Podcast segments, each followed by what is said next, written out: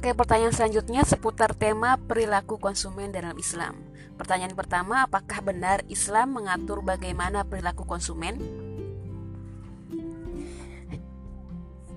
Islam adalah mm, agama yang mengatur segenap perilaku manusia ya.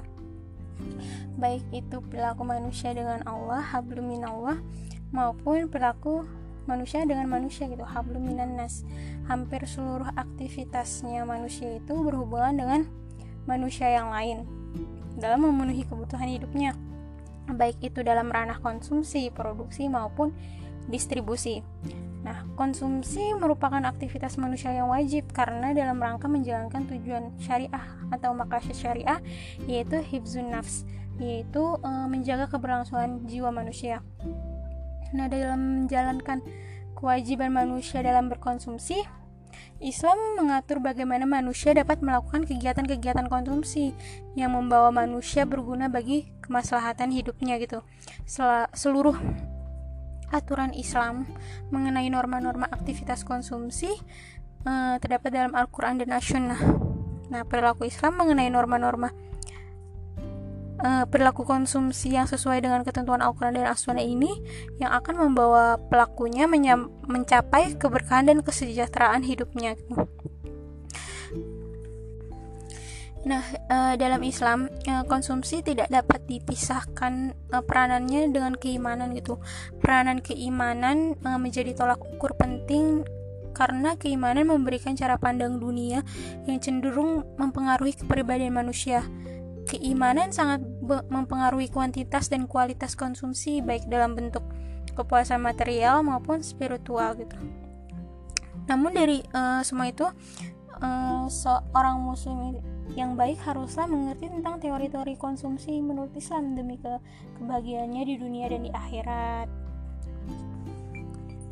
Pertanyaan kedua, kemudian apa aja perilaku-perilaku konsumen yang diatur dalam uh, perspektif ekonomi Islam. Pertama-tama ya kita bahas terkait prinsip dasar ekonomi eh, eh prinsip dasar konsumsi Islami. Nah, fokus pembahasan ekonomi Islam kan pada hakikatnya terletak pada penyikapan manusia pada harta, termasuk di dalamnya semua perilaku manusia dalam mencari harta eh, atau produksi, menyimpan harta atau uh, mengolah mengelola kekayaan dan membelanjakan harta atau konsumsi. Nah, kita bahas terkait uh, teori perilaku konsum konsumen Islam. Nah, terdapat uh, empat prinsip dalam uh, sistem ekonomi Islam dalam menyikapi permasalahan tentang perilaku konsumen yang termasuk di dalamnya itu yaitu hidup hemat dan tidak bermewahan atau abstain from wasteful and luxurious living. Nah, bahwa tindakan ekonomi diperuntukkan untuk pemenuhan kebutuhan hidup atau needs, bukan pemuasan keinginan atau wants. Nah, selanjutnya kita bahas dua hal, yaitu e, perilaku konsumen muslim serta etika konsumsi dalam ekonomi Islam. Nah, sebelumnya kan e, arti konsumsi itu kan e, menggunakan atau menghabiskan nilai suatu barang untuk memenuhi kebutuhan sehari-hari. Konsumsi juga merupakan salah satu aspek yang nggak dapat dihindari dalam sebuah kegiatan perekonomian ya.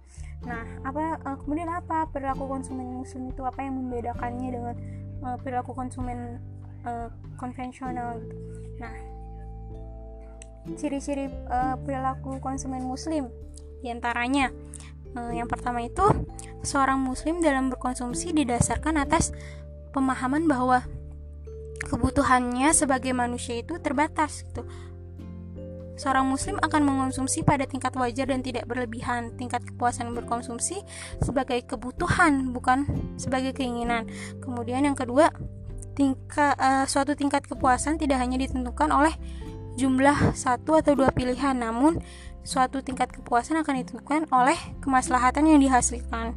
Nah, kemudian yang ketiga, seorang muslim tidak akan mengkonsumsi barang-barang yang subhat, apalagi barang-barang yang sudah jelas haramnya. Kemudian yang keempat, seorang muslim tidak akan membelanjakan hartanya secara berlebihan dan tidak dan tidak akan membeli barang-barang di luar jangkauan penghasilannya. Yang terakhir, yaitu sebagai seorang muslim akan mencapai tingkat kepuasannya tergantung kepada rasa syukurnya. Kemudian selanjutnya itu eh, etika konsumsi dalam Islam. Nah, adapun uh, etika konsumsi Islam harus memerhatikan beberapa hal ya. Di antaranya itu ada tiga.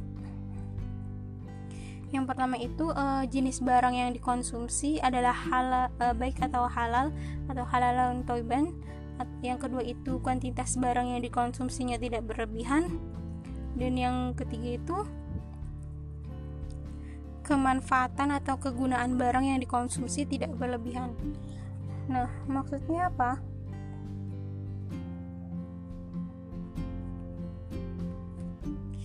Yang pertama itu kan tadi e, jenis barang yang dikonsumsi adalah baik dan halal.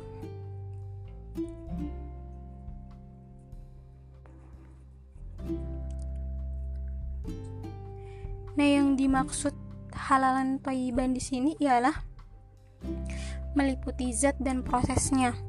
Nah, terkait zat, artinya e, secara materi barang tersebut telah disebutkan dalam hukum syariah. Nah, jadi eh, nggak e, apa ya zatnya itu yang nggak aneh-aneh gitu. Nah, kemudian halal di mana asal hukum makanan adalah boleh kecuali yang dilarang oleh Al-Quran seperti dijelaskan dalam Quran surat Al-Baqarah dan surat An-Nahl ya ayat 168 sampai 169 hmm, haram di mana hanya beberapa jenis makanan yang dilarang seperti babi, darah gitu. Nah, kemudian untuk prosesnya itu prosesnya artinya uh, dalam prosesnya telah memenuhi kaidah syariah. Misalnya sebelum makan uh, membaca basmalah, selesai makan membaca hamdalah, menggunakan tangan kanan dan bersih juga uh, nah kemudian uh, terkait cara mendapatkannya uh, cara mendapatkannya tidak dilarang. Misalkan um, uh, riba gitu atau merampas atau judi menipu atau uh, mengurangi timbangan.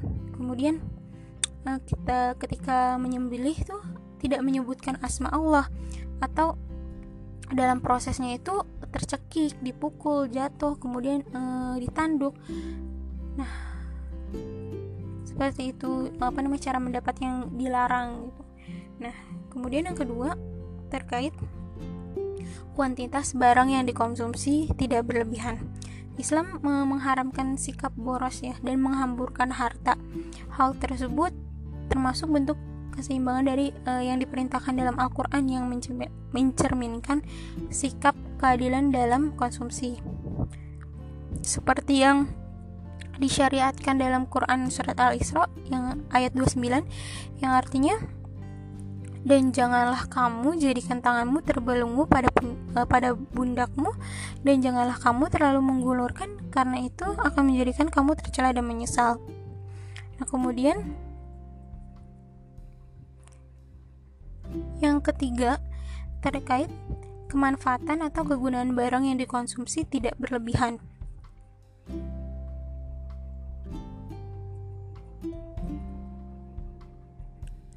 Nah, maksud dari yang ketiga ini apa? Dalam syariah kan e, tidak ada tidak ada larangan untuk melakukan kegiatan ekonomi selama bertujuan untuk sebuah kemaslahatan dan kehidupan yang layak. Nah, namun segala upaya yang dilakukan untuk meraih tujuan tersebut tidak boleh bertentangan dengan pemahaman dan nilai-nilai syariah.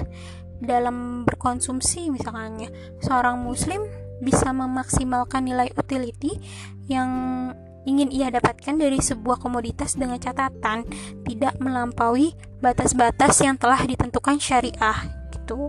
Jadi selagi ketika seorang muslim uh, mem ingin memaksimalkan nilai utilitinya uh, yang yang ingin ia dapatkan gitu dengan catatan tidak melampaui batas-batas yang telah ditentukan syariah gitu. Nah, demikian penjelaskan terkait perilaku konsumen dalam Islam. Semoga apa yang dijelaskan dapat dimengerti. Sekian wassalamualaikum warahmatullahi wabarakatuh.